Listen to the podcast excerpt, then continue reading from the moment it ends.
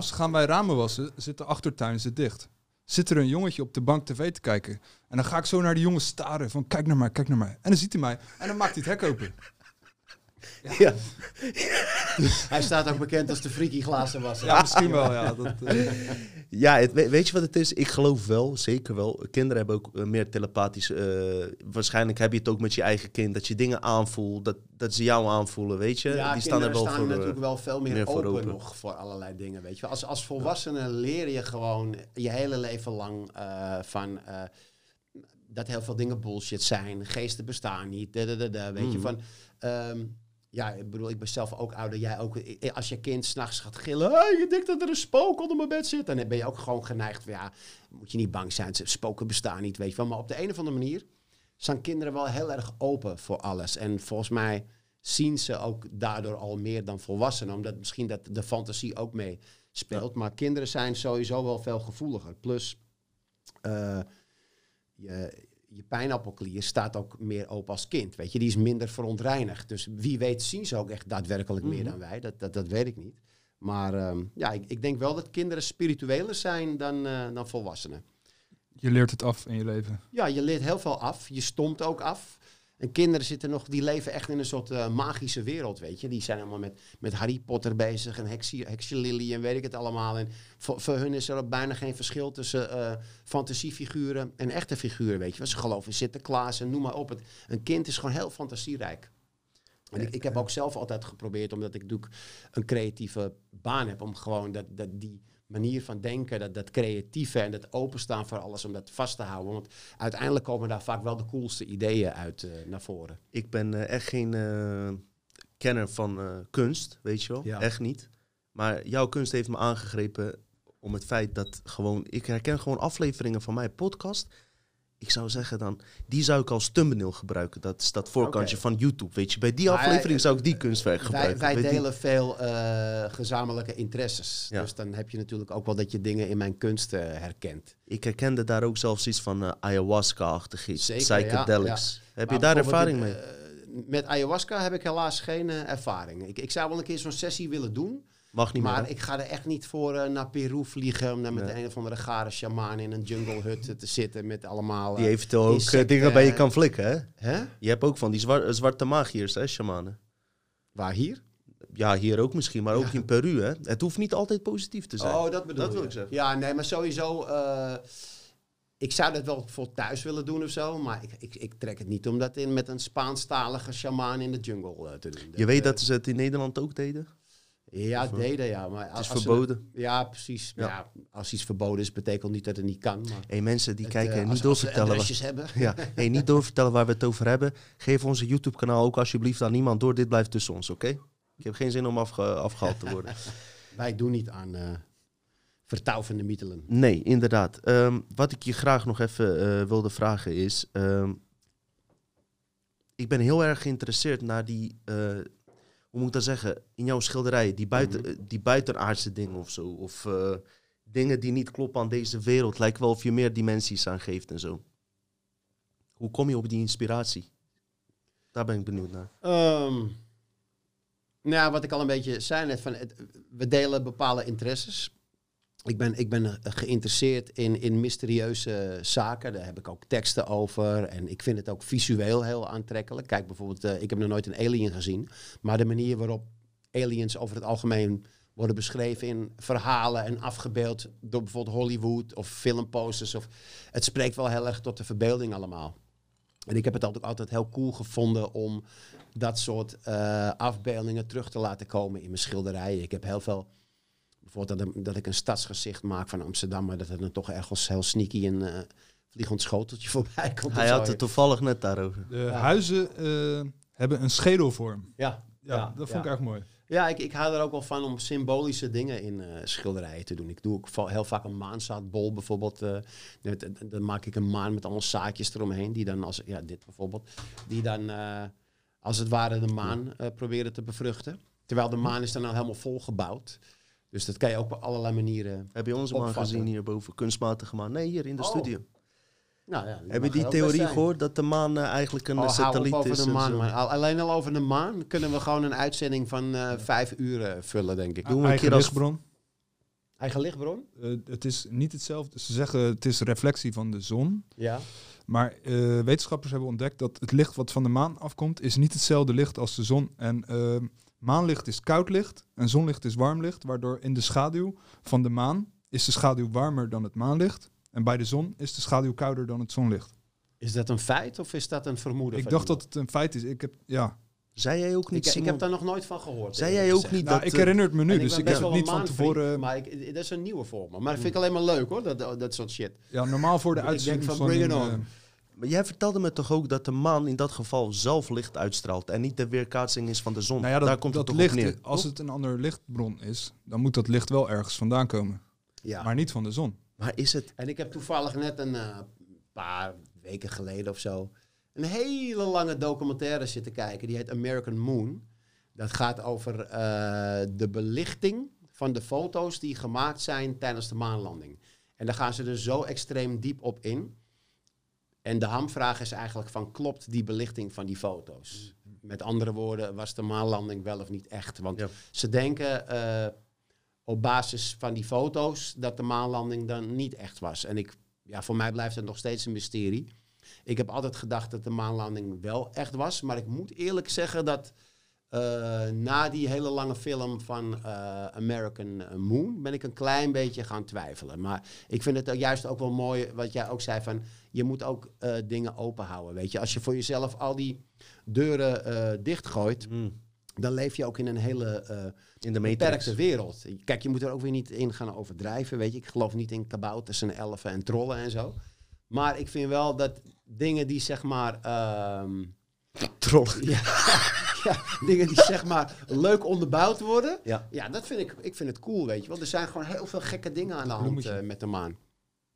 Een, Ja. een bloem met een... Ik zal hem editen, ja. Er is een bloem die lijkt echt op een elf eh, als je hem zo openvouwt. En eh, hij kon, ik kon ook niet geloven dat het echt was, maar het lijkt gewoon echt eh, daarop. Ja. Maar als je miljarden planeten hebt, zijn er misschien ook werelden waar elfjes wonen. Ja, wie weet. Wie je, weet. je weet het maar nooit. Maar ik die, sluit het allemaal niet uit. dat maan-ding, weet je wel. Ik ga daar een, keer wel een aparte aflevering over maken. Wil ik gewoon even diepgaand, echt diepgaand onderzoek op doen. Maar wist je dat Stanley Kubrick ook aan die, daaraan wordt gelinkt? Jazeker, er zijn heel, hele theorieën over dat Stanley Kubrick de, de maanlanding in scène heb eh, gezet. En eh, hij geeft ook in eh, films als The Shining en zo, Hmm.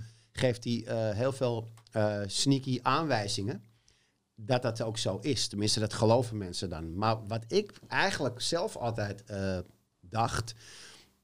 Kijk, er stond zoveel druk op Amerika in, in 69 om die maanlanding te verwezenlijken, dat het een, best wel een, een afgang zou zijn als ze het niet zouden halen. Dus wat ik altijd vermoedde, dat eh, ze voor de zekerheid een maanlanding in scène hebben gezet, dat als het zou mislukken, dat ze gewoon de nepmaanlanding zouden uitzenden en net zouden doen alsof het toch alsnog Hmm. gelukt was. Eerder te zijn dan Rusland. Dat wouden ze sowieso. Het was echt een soort een, een wedloop. En, en ehm, ik dacht van, er zijn dus er zijn sowieso fake eh, opnames gemaakt van de maan. Ook misschien voor oefeningen of whatever. Maar ik denk dat daar al die verhalen ook vandaan zijn gekomen. Want als jij in Hollywood een een of andere productie gaat draaien. Je hebt natuurlijk eh, stagehands en mensen van de belichting en mensen van de catering en weet ik veel allemaal wat voor mensen daar rondlopen. en Noem alles maar. Die gaan natuurlijk allemaal lullen. En eh, kan je wel een leuk geheimhoudingscontractje eh, tekenen of zo. Maar uiteindelijk, zeker 50 jaar na dato, mensen gaan allemaal eh, een beetje dingetjes loslaten. En daar krijg je volgens mij al die verhalen van. Dus dat- was zeg maar altijd mijn realiteit. Van je, je, je hebt de, echte maanlanding en de neppe. Maar na het zien van American Moon ben ik toch weer iets meer gaan twijfelen. Oké. Ik was. Tot de tijd dat ik het boek van William Tompkins heb, had gelezen, was ik er Ja. eigenlijk eh, niet zo heel erg bekend mee. Simon was daar meer mee bezig. Simon is ook meer met. eh, gaan we ook een keer doen over dat platte aarde. Hij zegt niet dat hij daarin gelooft, maar hij heeft daar wel interessante theorie. interessant, hij ja. vindt het Ik interessant. sluit het niet uit. En we gaan dat zeker naar voren brengen, want er zijn veel eh, mensen die kijken, die die de platte aarde, die dat wel Ja, dat, geloven. dat gaat voor mij echt een paar Ja. haltes te ver. Kijk, weet je. Maar ik vind ook Snap ik wel. Ja. ik vind ook wel.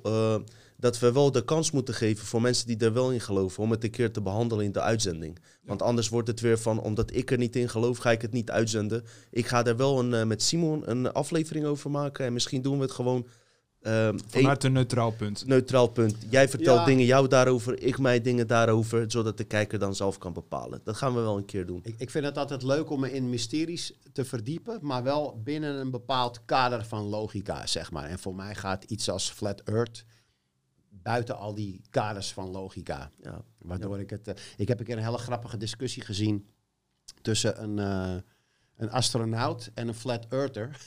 en die, maar die astronaut had ook gewoon met zijn eigen ogen gezien Ja. dat de aarde Ja. rond was. En dat, dat ging er bij die andere kerel gewoon niet in. Maar dat werd, dat werd gewoon een heel raar, grappig gesprek. Ik, ik kon er wel om lachen. Goed dat je daar eh, over astronaut hebt. Die William Tompkins, ehm, eh, die heeft me wel wat inzichten gegeven. Ik heb zijn boek Zeker. gelezen. Hij was geen astronaut, hè? Was Nee, hij was voor de Navy, en eh, ja Maar hij heeft dus ook. ehm, hij zei op het moment dat die landing bezig was, Mhm.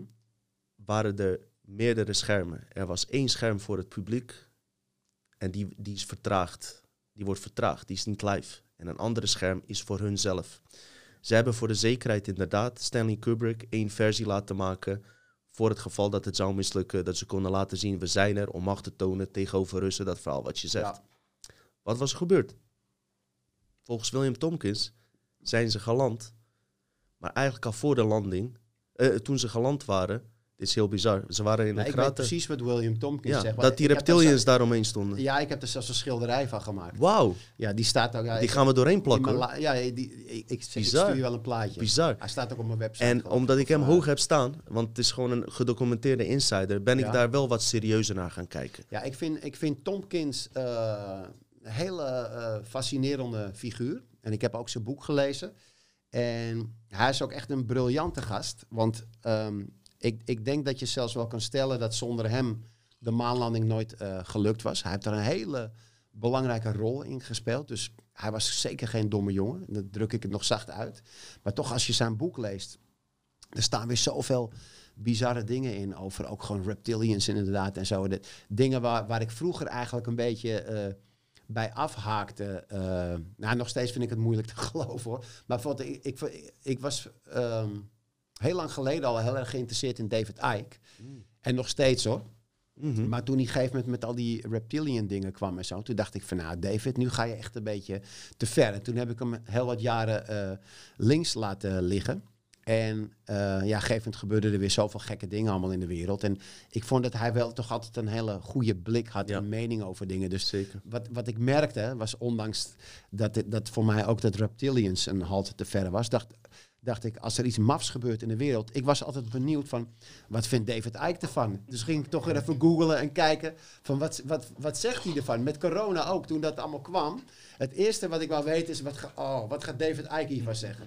Ja, en, en die was ook vrij snel eh, los op dat thema. En hij had zijn woordje klaar. Maar ook voor William Tompkins, gelijk, daar wil hij heen. Want hij eh, ziet hem ook eh, wel als een betrouwbare insider. Ja, Tomkins heeft ook heel veel bijzondere dingen gezegd. En eigenlijk heb ik door Tomkins eigenlijk ook een tijd weer gedacht dat de maanlanding dus wel echt was. Omdat hij daar zo gedetailleerd over schrijft. En tegelijkertijd die verhalen ook van die Kubrick-acties ook weer zo sterk zijn dat ik dacht van weet je wat, het heb gewoon naast elkaar bestaan. Ja, om ons eh, eigenlijk wat hij zegt, is dat ze die Secret Space Program, dus die geheime Mhm. ruimtevaartprogramma, Ja. wilden onthullen. Door eh expres die neppe versies en echte versies door elkaar te gooien. Om gewoon ehm, mensen die dit onderzoeken, om, om ze in verwarring te brengen. Dat weet ik niet, maar het, Dat het, was. eh, eh, het, het, het was natuurlijk wel de bedoeling dat de wereld dacht dat het echt was. Ja. En misschien was het ook wel echt. Het, is- misschien zullen we het ook wel nooit weten. Want Amerikanen zijn er heel erg goed in om dingen super lang in de doofpot te houden. Neem naar de moord op Kennedy, weet je. Van, mhm. ehm, dat is nu meer dan 50 jaar geleden. En er ging eh, een paar jaar geleden eh, ging er zo'n gerucht van ehm, dat ze het 50 jaar geheim moesten houden. En dat het dan zeg maar verjaard was en niet meer uitmaakte of de waarheid naar buiten kwam. Dus waren mensen echt helemaal van, oeh, binnenkort is het zover, weet je wel. Gaan we eindelijk horen wat er echt is gebeurd met de moord van Kennedy. Nou, vergeet het maar. Ondanks dat Trump eh, allerlei steeds- dingen heeft ja, beloofd. Trump heeft beloofd dat die man 9-11 zou. eh, Hoor je nog een. Mandela-effect zit daar aan verbonden? Wat dan? Dat het ineens een andere auto is. Oh, dat ja. Ja, dat Ja, is wel... Dat, weet ik dan Weet Er je wat- zijn trouwens oude opnames van Trump in die tijd, uit de tijd van 911 zelf, uit 2001 of zo, dat hij ook zegt, eigenlijk toen was hij toen ook nog geen president, dat hij er ook geen fuck van geloofde. Hij zei dat hij het heeft gezien vanuit Ja. zijn kantoor, hè? Ja, ja, ja. Ja. Ja. ja.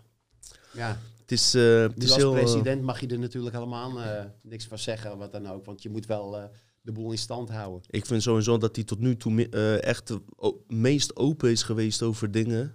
Ik keur hem niet goed of zo. hoor. Eh, Ik bedoel, eh, hè. Maar hij is wel... hij heeft wel dingen toch wel meer aan de openbaar... Hij heeft openbaar over bijvoorbeeld die pedofiele zaken en zo. Heeft hij over gepraat. Die andere heb je nooit over Wat gehoord. heeft hij daarover gezegd dan? Hij heeft gezegd dat hij de ehm, eh, internationale pedofiele kring wilde oppakken. Nou, of hij dat nou gedaan heeft, niet. Want het is niet gebeurd. Heb ik ook niet verwacht. Ja, Maar het feit dat het te sprake kwam. Drain the swamp en weet ik QAnon en dat. Al zegt Ja, hij zelf dat- dat hij daar niet aan Ja, verbonden is. precies. Ja. Geloofde jij in QAnon? Nou ja, ik weet dat QAnon bestaat, maar wie het is, Hmm, dat weet je dan ook weer niet. En ja, ik, ik vind wel dat ze heel veel dingen op één hoop eh, gooien. En kijk, zelf heb ik ook niet zoveel met al die eh, pedofiele eh, complotten, zeg maar. Niet omdat ik het Naar het thema. Ja, het, het is niet zozeer van dat ik het niet geloof. Want ik geloof echt wel dat er pedofiele netwerken bestaan. Maar ik, het is zeg maar niet mijn favoriete thema om in te duiken. Het, het, het, ehm, ik hou van mysteries. Mhm. En ik twijfel er echt niet aan dat er pedofielen bestaan en dus ook netwerken. Maar ik vind het wel een hele smerige wereld, qua, alleen al qua informatie en kennis om daarin te duiken. Je krijgt er een heel nagevoel bij. Dus dat soort dingen sla ik liever. Ik, ik praat liever over aliens dan over pedofielen, laat ik het zo zeggen. Gaan we ook doen. Als ik even mag plassen en Simon zijn ding mag zeggen. Pedo-aliens. Sorry, is flauw, sorry. maar die houden we erin. Ja. hey, eh, als je even wil roken, eh, Ja, doen, doen we dat zo. Tot we omvallen van de slaap. Een marathon uitzenden. Zeker, net als eh, in die tijd dat jij eh, bij uh, Pinkpop en zo moest optreden. Ik las ergens in een artikel dat jullie één... eh, jullie hadden een optreden en daarna moest je naar Pink... Was dat Pinkpop? Niet geslapen en doorgaan. Ja, ja, wel- ja, Wat was dat dan? Zo'n zo'n avond waar Kan je daar eens wat over vertellen? Ja. Even die nostalgische tijden terughalen van de gulden tijd. boek. Je gaat het boek leuk vinden, denk ik. Het staat Ja, er allemaal in. Maar eh, als, ga ik alles vertellen wat in het boek staat? Wordt Maar- opgenomen nu gewoon, ja, hè? ja, Dat nee, ik weet je. prima. Ehm, ja, ik zal het kort vertellen. We hadden een show in Friesland. En de volgende middag speelden wij Pinkpop. We moesten daar ook in de ochtend al zijn. En ehm, nou ja, eh, de tijd zeg maar, tussen die twee shows was te kort om thuis nog te gaan slapen. Dan kon je zeg maar gewoon even je bed in en twee uur later je wekker zetten en doorrijden. Dus ehm, wij dachten van, nou, dat wordt helemaal niks. Ehm, we gaan gewoon in één ruk, gewoon met z'n allen dronken in een busje, door naar Pinkpop. En we kwamen daar echt om zeven uur s ochtends aan. Begon het een beetje licht te worden. Het was zo'n regenachtige ochtend. Welk jaar was dat? Eh, volgens mij 96. En dat park was nog dicht. Ik kreeg net schaamhaar toen. Oh, sorry. Ja. ja. En we moesten dus ehm, die portier ook overtuigen. Die wou ons er niet inlaten. Van, die dacht dat we gewoon dronken campinggasten waren in een busje, weet je wel. Zo kwamen we ook over. Van ja, nee, die geloofden er niks van dat wij een band waren en moesten optreden. Waarom zullen jullie dan zo vroeg? Ja, we komen net uit Friesland, en jada, jada. Maar we hadden Rootboy eh bij ons van de Urban Dance Squad. Die zat ook in de bus. En die heeft gewoon een heel bekend hoofd, want die had al een paar keer op Pinkpop, Pinkpop gestaan. Dus toen zag, zag die kerel van Pinkpop, die zag Rootboy. En toen geloofde hij wel ons verhaal. Toen zei hij, oké, ga maar naar binnen. Dus wij reden met onze bus dat terrein op. Maar er was gewoon helemaal niemand. Al die tentjes waren nog dicht gespijkerd. Dus we reden gewoon een heel rondje over die paardenrenbaan met onze bus. Op een soort spookterrein. Helemaal verlaten. En zo van, ja... Alle kleedkamers waren op slot. Je kon nergens in. Dus we waren zoiets van, ja, waar kunnen we dan pitten, weet je wel? Als we nou een sleutel van de kleedkamer hadden. Dus we gingen op zoek naar een droge plek. Van, ehm, dan kunnen we in ieder geval onze slaapzakken uitrollen. Want die hadden we wel bij ons. En nog even een paar uur pitten misschien. Nou, de enige droge plek op het hele terrein was het podium. Dus wij hadden onze bus gewoon recht voor het podium geparkeerd.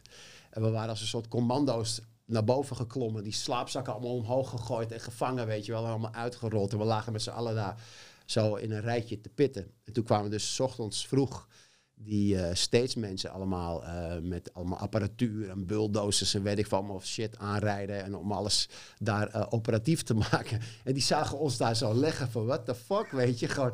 En gelukkig herkenden ze ook weer Rootboy. Maar ja, dat was gewoon een hele maffe situatie was dat. Ik denk als je dat nu had gehad in deze tijd, hadden ze meteen selfie gemaakt. Kijk, mij Ja, met ja. Hij is aan het slapen. Man, je wil niet weten hoeveel gekke dingen we hebben meegemaakt in die 20 jaar OP. De meest gekke fratsen en taferelen en eh, ja. Op een of andere manier heb ik uh, Oslo altijd als een Cypress Hill gezien in mijn eh, beleving. Kan je daarin vinden? Op, ja, ik, ik vind Nederlandse Cypress Hill soort Ja, Jullie hadden iets van rock, rock metal-achtig doorheen. Ja. Wat trouwens niet per se mijn favoriet is. Ik hou meer van die perceptie-deceptie beat. Waar we het dat is meer mijn stijl. Maar wat jullie daar deden, was ook wel iets unieks. Want die, die sound was ook niet, eh, die bestond eigenlijk niet in Nederland. Nee, wij, wij gebruikten ook wel echt andere samplebronnen en zo. We, we wilden ook echt wel een andere muzieksound dan alle andere hip-hop. En dat, ja, de een vond het tof, de ander vindt het dan weer geen echte hip-hop. Maar wij waren zoiets van, omdat wij gewoon die oldschool mentaliteit altijd hebben behouden. Van wij willen gewoon origineel zijn, een eigen sound hebben, eigen manier van rappen, weet je wel, eigen thema's, eigen teksten. Dus ja, eh, gewoon zo origineel mogelijk komen altijd. Toen ik dingen eh, nogmaals weer eh, van je opzocht en zo, was ik jaloers. Niet om het feit dat je bekend was of zo. Want ik wilde dat nooit zijn, nu ook nog steeds niet. Ik doe dit ook puur om het feit omdat het moet. Want ik heb nooit dit willen doen. Dit was mijn droom niet. Maar ik kreeg toch die Wat flashbacks. Maar een hele goede vraag. Hm. Hele goede vraag die je stelt nu aan mij. eh, Wauw. Nee, ik heb niet bepaalde dromen gehad. Ik heb wel, eigenlijk heb ik, wat was mijn droom? Ja, van een gemiddelde allochtoon, hè. Een beetje geld maken en, eh, en, en eh, een paar huizen kopen in Bosnië en eh, genieten op het strand. Maar zelfs over gehad dat je een café wilde. ja, voordat die fucking Zijn wel, virus kwam. wel betaalbaar, toch? Huizen in Bosnië. Ze zijn zeker betaalbaar, zeker, dat wel. En eh, natuur is er en alles. Dus het is, het is geen droom die niet waar zou kunnen komen. Maar weet je, de wereld verandert zodanig dat je Mhm. je eigen dromen misschien daar ook in veranderen. Snap je? Je, je Mhm. doelstelling of wat dan ook. Je wordt ouder en eh, volwassener tussen aanhalingsteken om niet al te wijs te klinken. Want over vijf jaar zal ik weer een andere droom hebben. Maar wat mij vooral deed. En nou klink ik misschien weer van alle, vroeger was alles beter, dit en dat.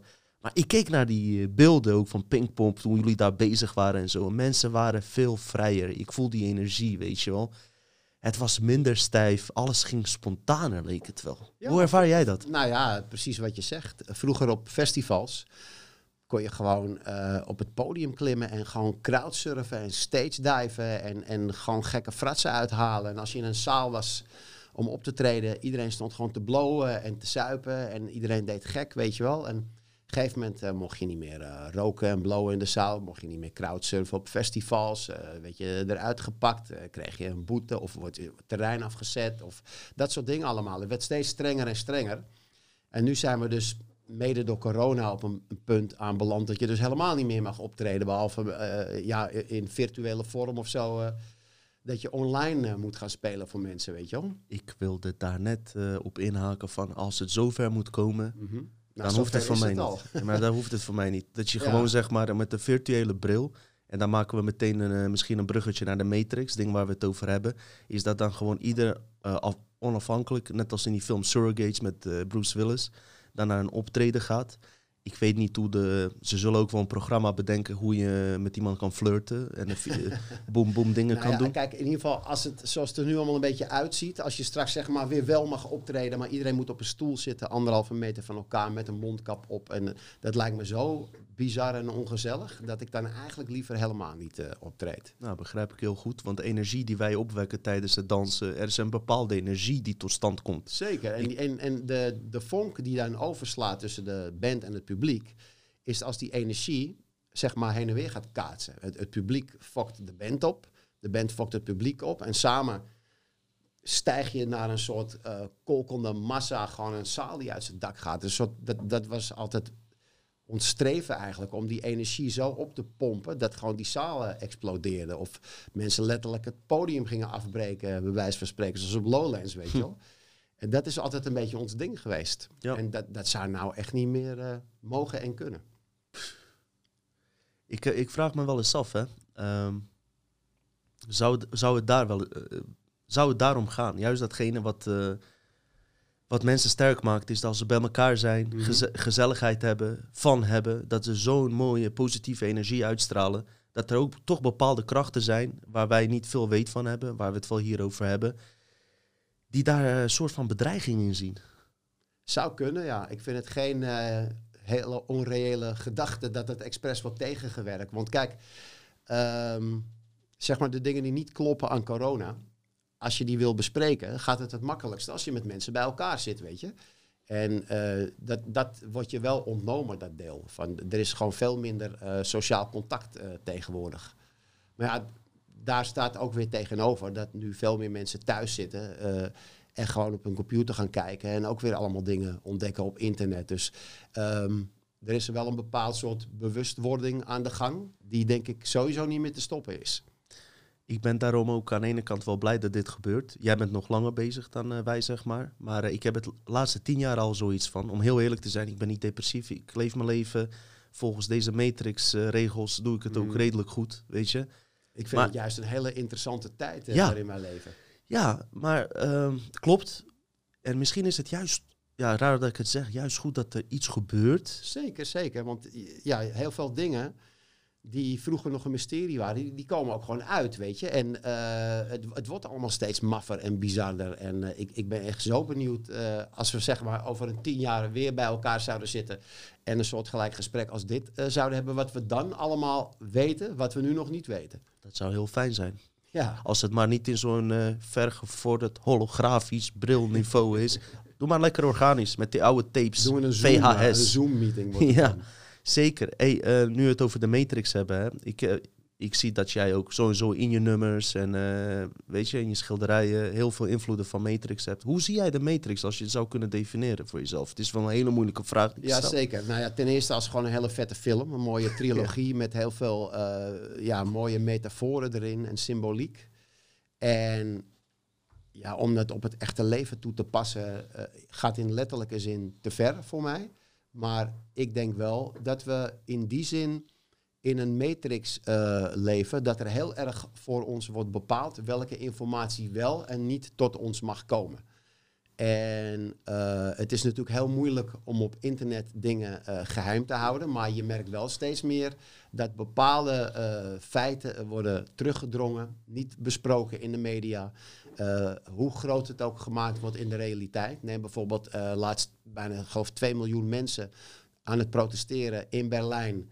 En dan de neef van John F. Kennedy met dezelfde naam kon daar een, een, een hele belangrijke speech houden. En gewoon helemaal niks erover in de media, weet je wel. Dus er worden wel degelijk bepaalde dingen weggehouden van ons. En in die zin leven we wel in een soort informatiematrix.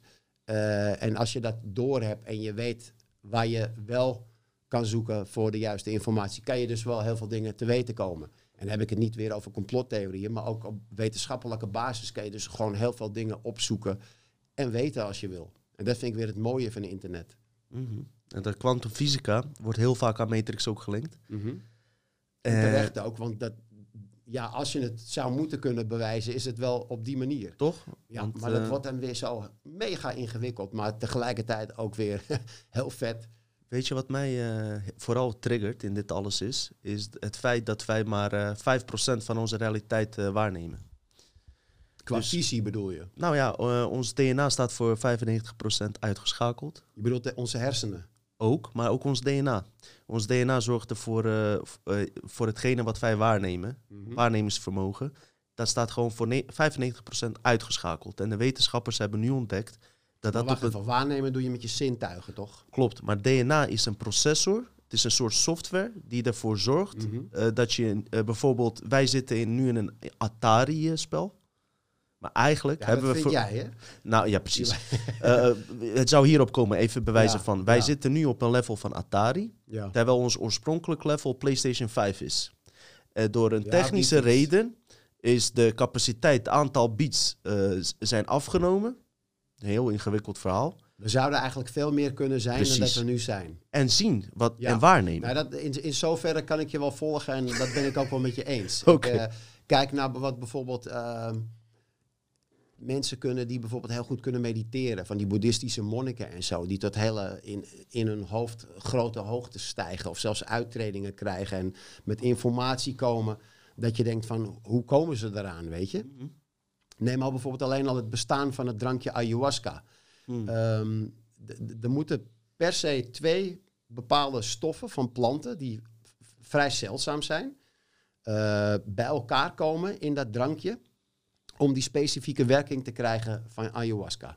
En ehm, zeg maar de kans dat je dat eh, per toeval ontdekt, dat hebben ze een keer uitgerekend. Daar ben ik heel slecht in getallen onthouden, dus laat ik me geen poging wagen. Maar dat was zeg maar belachelijk toevallig. Ook. Dus dan, Ja. dan kom je automatisch ook op de vraag van hoe zijn ze erop gekomen om juist die twee specifieke eh, planten in een jungle waar echt weet ik veel hoeveel duizenden planten groeien, bij elkaar te doen op, met die specifieke bereidingswijze. Weet Ja. je, dat is al een mysterie op zich. Ja, dat Mhm. vind ik prachtig, zulke dingen. Eh, ook een reden daarvan is, is dat eh, zeg maar, eh, je maag het anders niet op juiste manier verwerkt. Waardoor je dat gevoel niet krijgt. Dus die tweede stof is puur voor, voor jouw maag, heb ik begrepen. Ja, je, Iets je, trant je hebt een, een stof in je lichaam. Dus een, een, je hebt, kijk hoe weer? Dimethyltryptamine.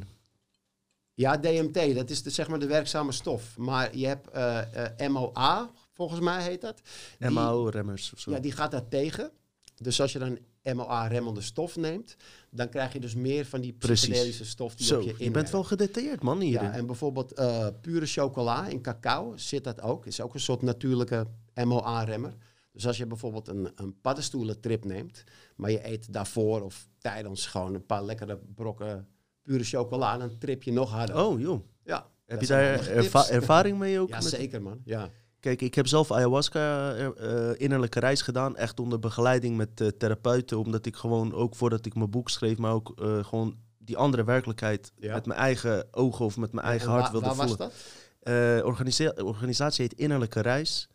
En dat was drie jaar geleden voor het eerst. Simon is meegegaan. Die voelde dus helemaal niks. Dat was ook bizar. Nee, ik, eh, ik heb er niks van gemerkt. Ja, maar hij is daar heerlijk Ik in. vond het wel gezellig daar hoor. maar- Het was goed. Hij kwam tot terug. Maar zelfs die Maar had vrouw... je een hele lage dosering eh, gekregen? Nee, ze hebben mij zelfs wat extra gegeven omdat niks gebeurde. En, eh, Lekker droog. ik denk dat ik te veel in mijn gedachten bezig was misschien Ja. of iets. Ja. Oké, of jij bent Maar al zo het schijnt dat mensen dat vaker als je- gewoon jou niet verder kan helpen. Ja, misschien. Ja, moet erom lachen. maar- Dat komt omdat dat dat kind bij die ramen hem al door had. Ja. Nou, dat, dat het vaker is dat mensen als ze het voor het eerst doen niks merken. Dat gebeurt wel eens. Nou, eh, sterker nog. Eh, nou, dat wist ik niet. Ik dacht juist dat je eh, ook een paar sessies achter elkaar moest doen en dan een steeds hogere dosering. Er zijn, ja, dat is vooral in Peru doen ze dat inderdaad met die sessies. En eh, dat doen ze hier ook in Nederland. Ehm, wat die vrouw vertelde, die begeleidster. Want ik heb daarna ben ik met mijn vriendin ook nog apart gegaan. Nou, nou die voelde hem wel hoor. Ja. Toen begreep ze wel dat ik niet. Toen begreep ze ook waar ik het over had, zeg maar. Maar die vertelde tegen mij, want die was ook aanwezig toen ik met Simon was. Die zei: Toen ik het deed, heb ik hem eerste keer niet gevoeld. Ik heb me aan alle regels gehouden. Dus geen alcohol, niet roken, dieet van een maand. Ik nam hem, ik voelde niks. Maar dit wat, wat interessant is, dit is een psychologisch therapeut, deze vrouw. Met haar collega's, wat allemaal fysiotherapeuten, psychologen. Ze Mhm. wilden gewoon zelf ervaren wat dat nou is. Dus het waren echt mensen die gewoon met een onderzoek bezig waren. Haar collega's, die dronken gewoon een wijntje van tevoren. Die hielden zich niet aan de regels, gewoon Oh ja. roken, alles. Ja. Die waren er helemaal in. Ja. Die waren er compleet in. Dus ja, wat ik denk als zij het misschien volgende keer zou doen, zou het kunnen. Weet je, wat de reden daarvan is, weet ik niet. Maar wat ik heb, wel heb ervaren, is dat ik een werkelijkheid heb ervaren Mhm. die veel echter leek dan deze werkelijkheid. Ja, maar dat hoor je altijd van de mensen die ayahuasca hebben gebruikt. Dat ze toch echt gewoon eh, bepaalde inzichten krijgen. Die ze ook bijna niet eens in woorden kunnen bevatten. Maar toch snap je het wel. Je voelt hoe het bepaalde dingen zitten. Maar ja, probeer het dan nog maar eens uit te leggen. En ik had het net over die hersencapaciteit, dat die zeg maar eh, uitgeschakeld eh, staat voor 95% en dat DNA. En het lijkt eh, erop, dat gevoel had ik, of er iets meer vermogen aanging, waardoor ik meer kon waarnemen. Weet je wel, die pijnappelklier die door ons leefgedrag, eetgedrag, Ja. en dat wordt dichtgeslipt. Snap je? een- dat doet me denken aan ook een prachtige... nou ja, je kan het theorie noemen, maar het is volgens mij ook wel een feit. Heb je wel eens van de machine-elfen gehoord? Dus, je hebt dus DMT, Ja. bepaalde tripstof. Die zit ook eh, in heel veel soorten planten. En Ehm, iedereen die eh, echt zwaar op DMT eh, tript, die ziet op een gegeven moment een soort wezentjes. En dat noemen ze dan de machine-elfen. Maar die, schijnt, die schijnen door iedereen hetzelfde omschreven te worden. Dus dan denk je van, bestaan ze dan echt? Gaan wij door de DMT dingen zien die er misschien wel zijn, die we nuchter niet zien? Ja, prachtig. Ja. Dat doet me denken aan ook eh, als mensen schizofreen zijn. Ja. Die hebben dan bepaalde omschrijvingen daarvan. En die komen ook precies overeen met andere mensen eh, die ook schizofreen zijn. En dan gaan ze podcast. eh,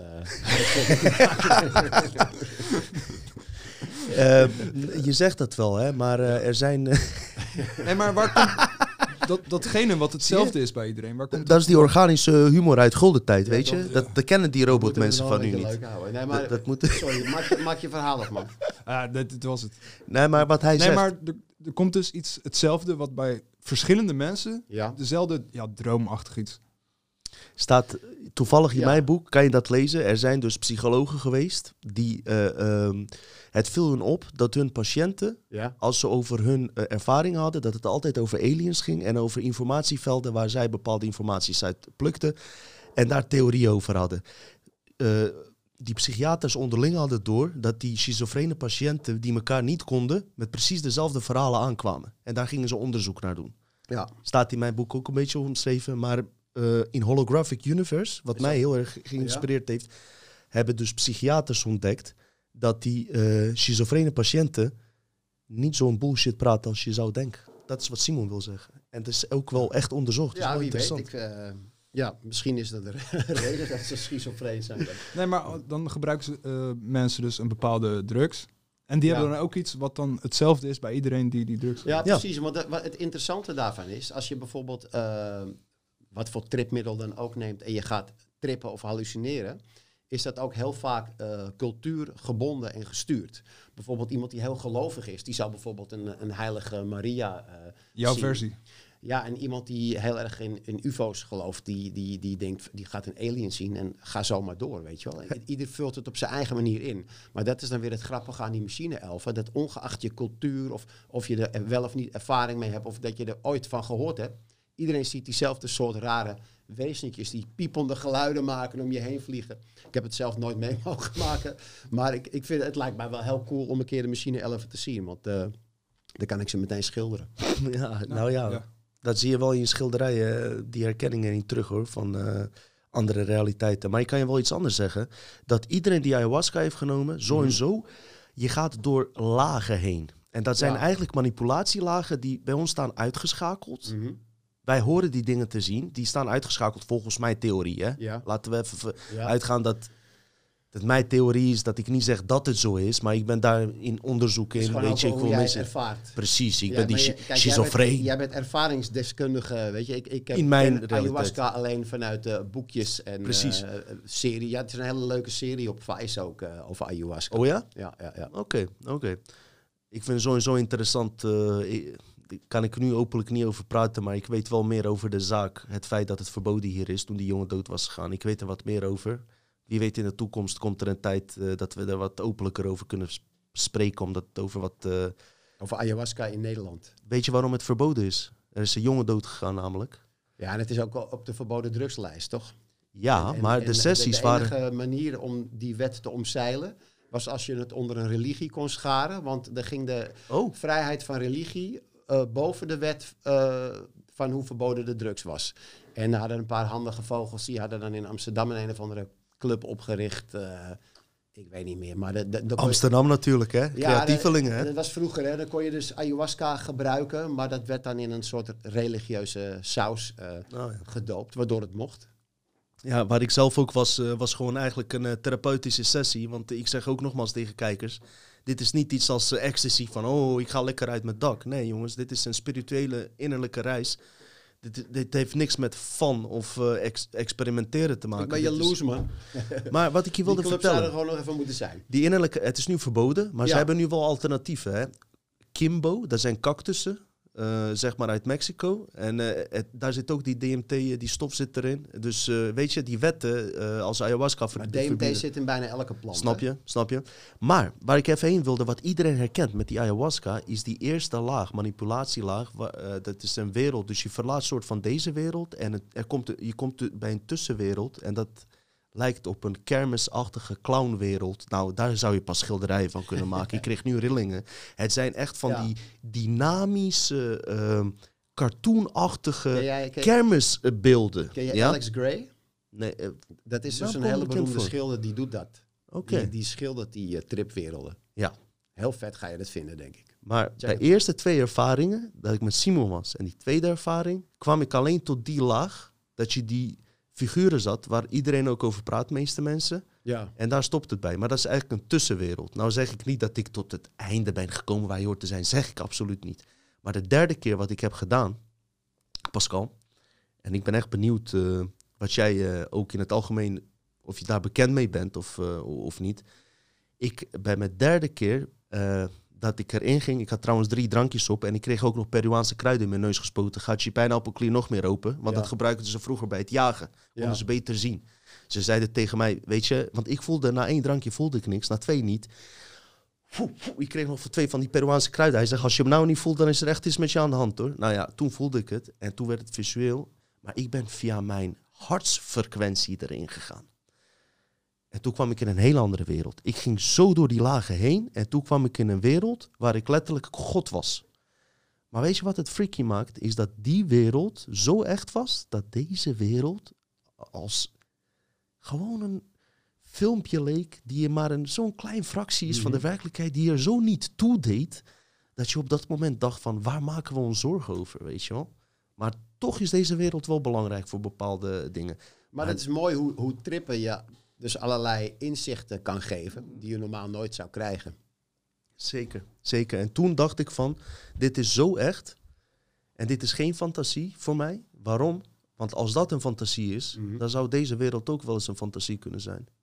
Heb je daar wel eens over nagedacht? Ja, dat dit heel misschien een droom zou Is dit Ja, misschien tuurlijk, wel een Ik droom? denk over alles. Nou, dat vind ik juist ook leuk, weet je wel. Ik denk ook dat het ehm, heel onverstandig is om uit te gaan van één realiteit en ook eh, er volledig van uit te gaan dat dat een feit is en er iets anders niet bestaat. Want je merkt gewoon aan heel veel dingen.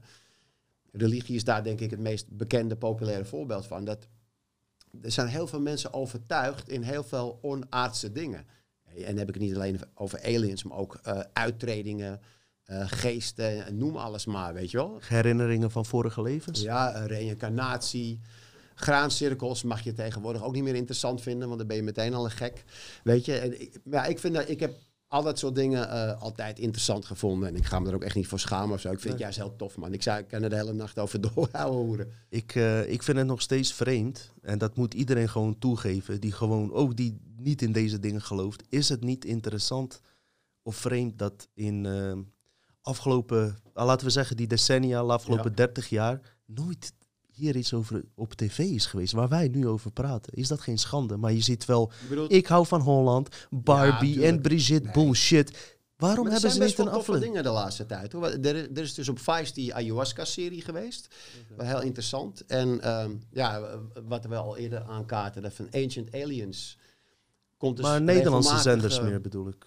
Ja, in Nederland... eh, Het is dichtgeslipt. er is eigenlijk één man in Nederland geweest die dat wel echt op een eh, best wel grote eh, manier naar buiten had gebracht. Is Bram Vermeulen. Die heeft een hele mooie theatershow over de Anunnaki gemaakt. Dat is ook best wel lang geleden. Ja, heb ik wel Ja. een stukje van gezien. Heb ik wel een stukje van gezien. Dat is echt wel de moeite waard om een keer te checken, die show van Bram Vermeulen. Jij vertelde net ook, en, ehm, die andere realiteiten, ehm, waar wij misschien, wat ik dan zeg, ik voelde me toen echt een god. Ik voelde Ja. me echt creëerder van het universum. Hoe zie jij eh, het concept van god eigenlijk? Daar ben ik wel benieuwd naar. Nou, ik ben zelf niet gelovig. Maar eh, ik las een keer een een of ander wetenschappelijk boek over eh, hoe dingen in de natuur werken. En er stond op een gegeven moment een stuk in waarin die schrijver uitlegde dat de natuur van zichzelf een enorme complexiteitsdrang heeft. En dat probeerde hij een beetje te verklaren. En ik zat erover na te denken. En wat hij beschreef eigenlijk met, die complexiteitsdrang. Toen dacht ik van dit is eigenlijk precies wat hij omschrijft. Wat heel veel mensen God noemen. Want eh, de natuur heeft van zichzelf al dus een, een drang om ehm, dingen heel complex te maken, maar tegelijkertijd ook heel symmetrisch. En kijk bijvoorbeeld naar een, een sneeuwvlok door een loop. Hele, weet je wel? En eh, nou ja, eh, Fibonacci, eh, noem alles maar. Ja. Eh, en het leeft dan Da ook Vinci, nog. met nee, je de- lichaam. De, natuur maakt vanuit zichzelf Symmetrie. prachtige, ingewikkelde, levende organismes. En dan ook nog eens een keertje zo dat ze helemaal mee evolueren met hun omgeving en helemaal daar als het ware één mee worden en zich overal aan aanpassen. En ehm, daar komen dan weer nieuwe wezens uit voort. En als je dat allemaal leest, dan denk je, ja, dat is eigenlijk precies ook hoe mensen over God praten. En toen dacht ik van, misschien is dat wel gewoon God, de complexiteitsdrang der natuur. Wauw, mooi verwoord. En eh, als we, we hadden het net over toevalligheden in onze sterrenstand en eh, eh, hoe de maan tegenover de zon zit en de aarde en de Mhm. afstand daartussen met die Ja. maanclips. Het is eh, kans op 1 op triljarden dat het op die positie zou moeten Ja, liggen. ja, precies. Is dat dan ook weer toeval of is dat dan bewust zo neergezet? Waar, waar zou je dan voor kiezen? Dat is een vraag die je niet hoeft te beantwoorden, maar dat is wel een eh, discussiepunt eh, waard. eh. Waar ik voor kies is dat het door, door aliens neer is gezet. Omdat ik dat een veel interessanter verhaal vind. En dat het een klont is die van de aarde is afgebroken. En toevallig net op die afstand om ons heen eh, cirkelt. Weet je, dat is zeg maar het gangbare verhaal ongeveer. Van, tenminste, dat denken de meeste mensen dat, dat de maan ooit een stuk van de aarde is geweest. Maar er zijn gewoon heel veel maffe dingen aan de maan. Hè. Ze hebben bijvoorbeeld ehm, onderzocht dat het zand eh, op de maan miljoenen jaren ouder is dan dat de maan kan zijn. En z- zo heb je nog een hele lijst. Ja, dat die binnenste buiten is gekeerd. Dat die, ja, dat die eh, hol is Russen... van binnen. Ja, Ze hebben uitgerekend dat dat, eh, de maan te licht is. Hij had eigenlijk zwaarder moeten zijn. Dus dan denken ze van misschien is hij wel hol van binnen. En zo heb je dus een hele rits dingen die niet kloppen aan de maan. En als je die allemaal bij elkaar zet en gaat proberen daar eh, conclusies uit te trekken, dan zou je met een beetje fantasie kunnen zeggen: de maan is gewoon een of andere holle bol, een soort ruimteschip die daar expres is neergezet als een soort satelliet om de aarde, whatever, te bestuderen. Simon of, staat te eh, popelen. Nee, ik, Ja. dacht, eh, ik dacht ineens aan die eh, Dead Star van Star Wars, weet je wel? dat- ja, dat daar zou het dan een beetje op lijken. Ja, Ja, ik vind het eh, een prachtig verhaal. En wie ben ik om te zeggen, dat kan niet. Want ja, er kunnen zoveel gekke dingen. Ik weet niet hoe... eh, ik zie ineens een glitter onder jouw lip.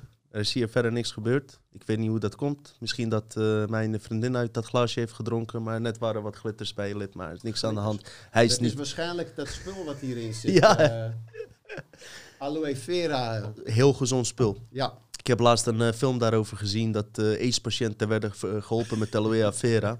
ja. En eh, dat de Amerikaanse overheid. nee, nee, maar het ging hier over. Amerikaanse overheid dus. Die verbood eh, de farma-industrie. eh, die zag daar geen geld in. En in Mexico werd via aloe vera met nog andere ingrediënten. gingen die AIDS-patiënten illegaal die dingen binnensmokkelen om zichzelf te genezen. Om 20 jaar langer te leven, man. ik heb wel Fucking eh, bizar. een verhaal gehoord dat iemand zo'n aloe vera plantage wilde starten. En hij was weg, hij komt terug en die hele plantage was verwoest. Ze is genezend, die hoor. wordt tegengewerkt. is genezend. Het is, ik, ik, er staan heel veel onderzoeken met dat drankje. Ik weet nou niet of in dit flesje per se... eh, eh, of dit niet een of andere kunstmatige versie is. Er staat wel 100% en alles. Maar het is een genezende plant. maar weet je... en het is nog lekker ook. Nou, kijk hartstikke naar cannabis, goed. dat is toch ook gewoon een genezende plant? Dat Man, is ook, man, eh, man. overal verboden. Alles. Het is toch ook weer zo'n logica, Alle- weet alles je. wat goed voor je is en uit de natuur komt, dat wordt verboden. We moeten allemaal eh, leven volgens eh, chemische recepten. Jij bent 50 nu, hè? Ja. Toen jij binnenkwam, ik, ik dacht echt, die gast, dat is nog 35, 40 jaar. Hier, jij zit naast Simon. Ik zou je misschien 7 jaar meer schatten. Jij bent, wat ben jij? Ik word 40. Ah, 47. Ja, toen kreeg je toch drie jaar erbij. Hoppa! Dat is toch die aloe vera. Aloe vera. Maar wat ik bizar vind ook, even serieus hè, ze zijn op het, even terug naar de maan hè. Hoe vaak zijn ze daar nou geweest? Drie keer. Oeh, dan vraag je me wat. Drie of vier keer zijn ze geweest. Ja, en maar- de achterzijde van de maan En hebben we niet je je nog gezien. gaan En, eh, afvragen, niet recent. eh, eh, moet je de neppe keren ook meetellen? Moet je nagaan. Moet je nagaan. Maar ze, ze willen naar de Mars, terwijl de donkere zijde van de maan nog niet eens wordt belicht. Letterlijk en figuurlijk. Letterlijk en figuurlijk. Wat vind jij daarvan, Simon? Ik, zou- waar- Ja. Waarom ik, Nee, nee, ik heb het ook wel eens afgevraagd. Ja. Ik, vind, ik vind het een goede vraag. ik vraag me wel eens af als ik in de auto zit en ik hoor mijn radio niet, omdat ik eh, door een tunnel rij. Maar op Mars kun je blijkbaar dus wel eh, alles ontvangen. Je bedoelt, Een afstandsbestuurbaar autootje op Mars. Oh ja. Ja. Maar ze zijn wel om de maan heen gevlogen met een eh, satelliet of zo, toch? Ze hebben wel foto's gemaakt. Ik heb, Onvoorstelbaar ver hoor. Wat? Die afstand. Ja, tuurlijk. Ze zijn Ja. bij mij wel een paar jaar onderweg. Kijken jullie wel eens, kijk je wel eens Gaia.com? Nee. Daar heb je dus, eh, ja, daar heb je dus allerlei insiders komen naar buiten. Daar moet je Mhm. trouwens voor betalen, maar ik heb een paar eh, illegale sites. Niet hey, mensen, hacker. niet doorvertellen wat ik nu zeg. Matrix gehackt jij. Ja, hey, luister. Er zijn bepaalde dingen die we bespreken. Hè. Niet doorvertellen aan je vrienden en je buren. Dus even onder ons, oké? Wij zitten al zo lang te lullen dat iedereen is afgehaakt, man. Nou, alleen, alleen de daar freaks, zal je- eh, Daar zal je echt in verbazen. als je nu nog over bent, dan ben je gewoon een freak. Ja, en, en nu komt de echte informatie. Nu vertrouwen echt- je. Nou gaan we de echte shit bespreken. Nu vertrouwen je. Wat blijkt nou? Nee, serieus. Echt geen onzin, hè? Beetje Wi- William Tompkins is daar geweest. Emery Ja. Smith, ik weet niet of jij hem kent. maar waar is daar, de maan? Eh, nee. Gaia. Oh, Gaia. Aarde. Hij is op die website. Gaia is aarde, dat Ja. weet je. Dat is Oh, eh, nee, nee, benaming voor je aarde. over die website. eh, Ja, daar gaan we over hebben. Eh, Gaia is een organisatie die een beetje op een commercieel, maar best wel goede manier dit in Ja. elkaar heeft gezet. Een soort Netflix voor complotdenkers. ja. Begrijp je? Jazeker. En daar komen ik ik heel veel insiders die gedocumenteerd zijn. En die beweren dus dat wij al lang op Mars zijn en daar civilisaties zijn onder de grond. En dat er gebouwen op Mars zijn. En ik heb dat een beetje niet heel erg in verdiept. Ja. maar Nee, wat ik, heb die gezien. verhalen ook gehoord, ja. Maar wat ik ook heb gezien, dat die piramides op Mars en dat gezicht op Mars, dat daarnaast ook nog eens drie piramides staan die precies dezelfde afstand hebben als de piramides in Egypte. ja. En als je die linken gaat leggen, wow. Maar ja, de- dat is Maar nog ja. geen feit, hè? Maar Nee, als dat wel waar is, dan is het wel fucking interessant. Dat wat er allemaal... eh, Ik denk dat we alles open eh, zouden moeten houden en niet zomaar voor een klinkklare onzin eh, beschrijven. Kijk, is het één Dino of Simon respectievelijk, weet je wel, die bepaalde theorieën hebben en denken van zou het kunnen of niet. Maar stel je voor, er komt iemand naar buiten, dus niet alleen William Tompkins, maar gewoon er zijn nog meer namen die gewoon 20 jaar voor de Air Force hebben gewerkt. Of sommigen hebben ook indirect voor NASA gewerkt en die dat gewoon op een hele duidelijke manier uitleggen. Waarom zou je dat niet als een mogelijkheid kunnen Ja, je beschouwen? hebt, je hebt tegenwoordig ook steeds meer van die deadbed confessions, hè? Er zijn heel veel interessante dingen, zeg maar een jaar of 50, 60 geleden gebeurd, die geheim eh, gehouden moesten worden. En die mannen die dat hebben meegemaakt, die leggen nu allemaal zo'n beetje op hun sterfbed. En die gaan dan op YouTube ineens eh, alles eruit gooien. Er zitten ook de meest eh, bizarre verhalen bij, als je dat googelt, weet je. Deadbed confessions. Kijk, het, het, mooie van wat ik doe, hè, van veel tekenen en schilderen, is dat ik, ik ben gewoon lekker aan het werk overdag. Maar ik heb mijn oren vrij dan.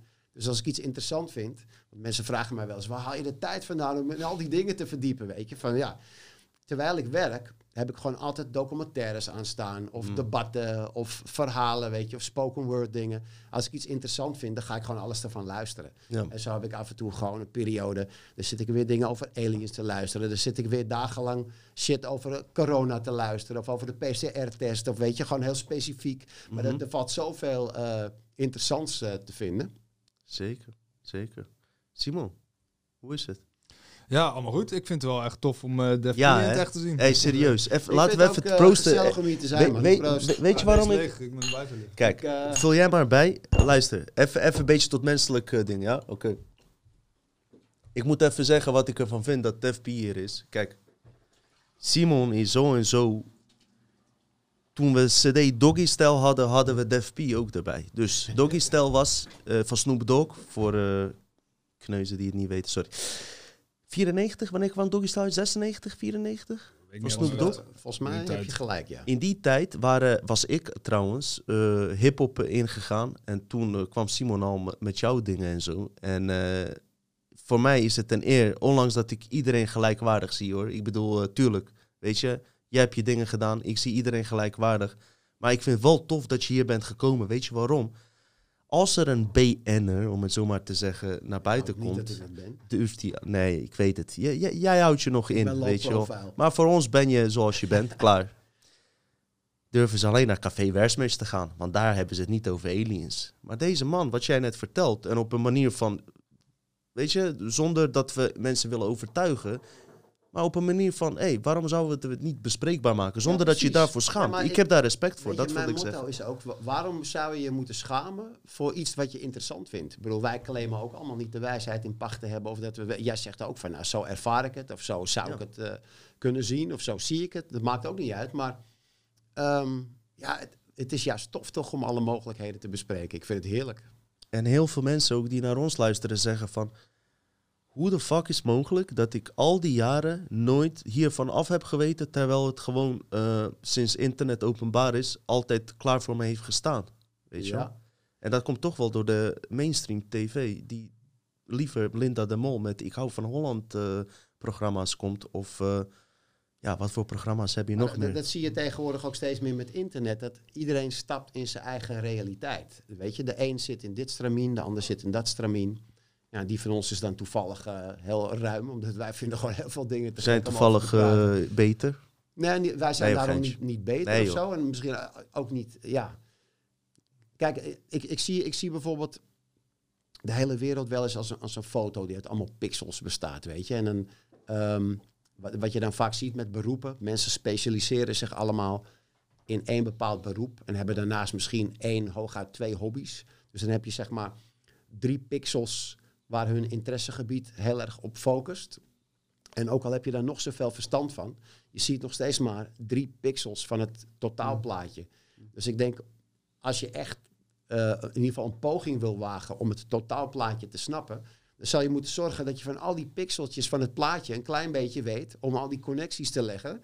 En misschien toch een plaatje te zien wat andere mensen niet zien. En dat zegt niet dat die andere mensen minder slim zijn of zo, maar die zitten gewoon op een pixeltje Ik maak maar een geintje hoor. Het was gewoon sarcastisch. Ik zie iedereen als gelijkwaardig. Op een gegeven moment komt die olifant tevoorschijn. Wat David Icke zegt. Als je al die puzzelstukjes aan Ja. elkaar, eh, aan De elkaar olifant linkt. die al in de kamer stond. Ja, zeker met die lange slurf. Maar eh, we zijn over de twee uur heen. En ik zou, weet je wat ik denk? Ja, de ik denk dat wij zo vijf uur zouden kunnen praten. Maar Laten we het we, nou opsplitsen dan. Laten we gewoon, eh, zeg maar, die perceptie-deceptie CD, eh, wa- wat fucking goede CD is, waar ik het expres niet over heb gehad, omdat ik wil dat MC Stef komt en mensen die daarbij eh, betrokken zijn leuk geweest. vinden. Ja, ik heb ook contact met hem gehad. Eh, jongens, jullie zijn sowieso daarin welkom. Gaan we gewoon, en wat mij betreft kunnen jullie ook wel een paar nummers doen hoor, want het is gewoon eigenlijk onderwerpen van onze podcast. Simon, jij had het geluisterd gisteren. Jij zei ook van, eh, het is Ik vond het bizar. hartstikke goed. Ja, hij, hij vond het echt goed. En hij is wel daar eerlijk in. eh, Nee, dat zeg niet zomaar. Ik, nee, ik ben ook verder met andere Nederlandse rappers eigenlijk niet zo bekend. Dus ik weet niet of er nog meer hele goede zijn. Maar ja, het, het is gewoon echt een goed nummer. Dat eh, he- eh, Slaaf van de Matrix. Dankjewel. Ja. Ja. het slaat ook wel op jullie eh, programma. zeker man, zeker. Daarom respect dat je hier bent, serieus. En eh, één vraag eh, wat ik eigenlijk wilde stellen. Als jij de toekomst voor komende... tw- Zal- Zullen we dit als laatste vraag doen, mensen? Dames en heren, voor de reclames. Laatste vraag aan eh hebben Def het P. volgehouden. Het voordeel is dat ze op YouTube al kunnen zien waar het eindigt. Hè? Dat weten wij zelf nog niet. Precies. Nee, dat is het mooie van onze mensen. Zitten we ook weer in een andere realiteit inmiddels. Voor ons is er nog geen eind. Nee. Maar voor jou op YouTube wel. Oké, de En laatste vraag. als we, al, als we te veel over transgenders gaan praten volgende aflevering, komt er heel snel een eind. Maar als jij even voor komende jaar de wereld zou kunnen zien, denk je dat je binnen een jaar kan optreden en dat alles weer normaal is zoals het altijd is geweest? Binnen Alsof er jaar? nooit iets is geweest? Oeh, lastige vraag. Ik denk sowieso eh, dat al het uh, vaccingedoe nog wel een tijdje gaat duren. En dan, ja, en tegen de tijd dat ze dan zeggen het mag weer, gaan ze misschien ook nog van die regels toepassen. Dat alleen gevaccineerde mensen naar, naar binnen mogen. In, En dan- inentingpaspoort. ja, Ja, zoiets. dat vind ik wel dus ik weet het allemaal niet. Het, eh, ik zie het allemaal nog niet eh, gebeuren volgend jaar. Ik vind het wel eh, goed van jou, ook dat je je talent hebt gebruikt, dat je niet alleen op muziek gefocust bent. Want weet je, je, je bent creatief met boeken, je hebt ook je schilderijen en dingen, weet je. Ik denk dat we allemaal in het leven niet meer moeten focussen op één ding, maar misschien onze kansen spreiden. Dus dat is de Je tip voor een- de Je moet kijker. een beetje kunnen meebewegen met Je moet, je moet flowen. Simon heeft, ik zeg het voor de tweede keer, Simon heeft iets heel goeds gezegd van wij mensen zijn net als water. Wij komen overal tussen, wat was het? We vinden onze weg. Wij vinden onze weg. Zullen we dat als eh, afsluiting doen, jongens? Hartstikke mooi. Hartstikke mooi. Hey, dan. Proost. Hey, Proost. respect dat je er was, man. Echt waar. Graag Respect. gedaan. Simon ook. Fijne avond, mensen.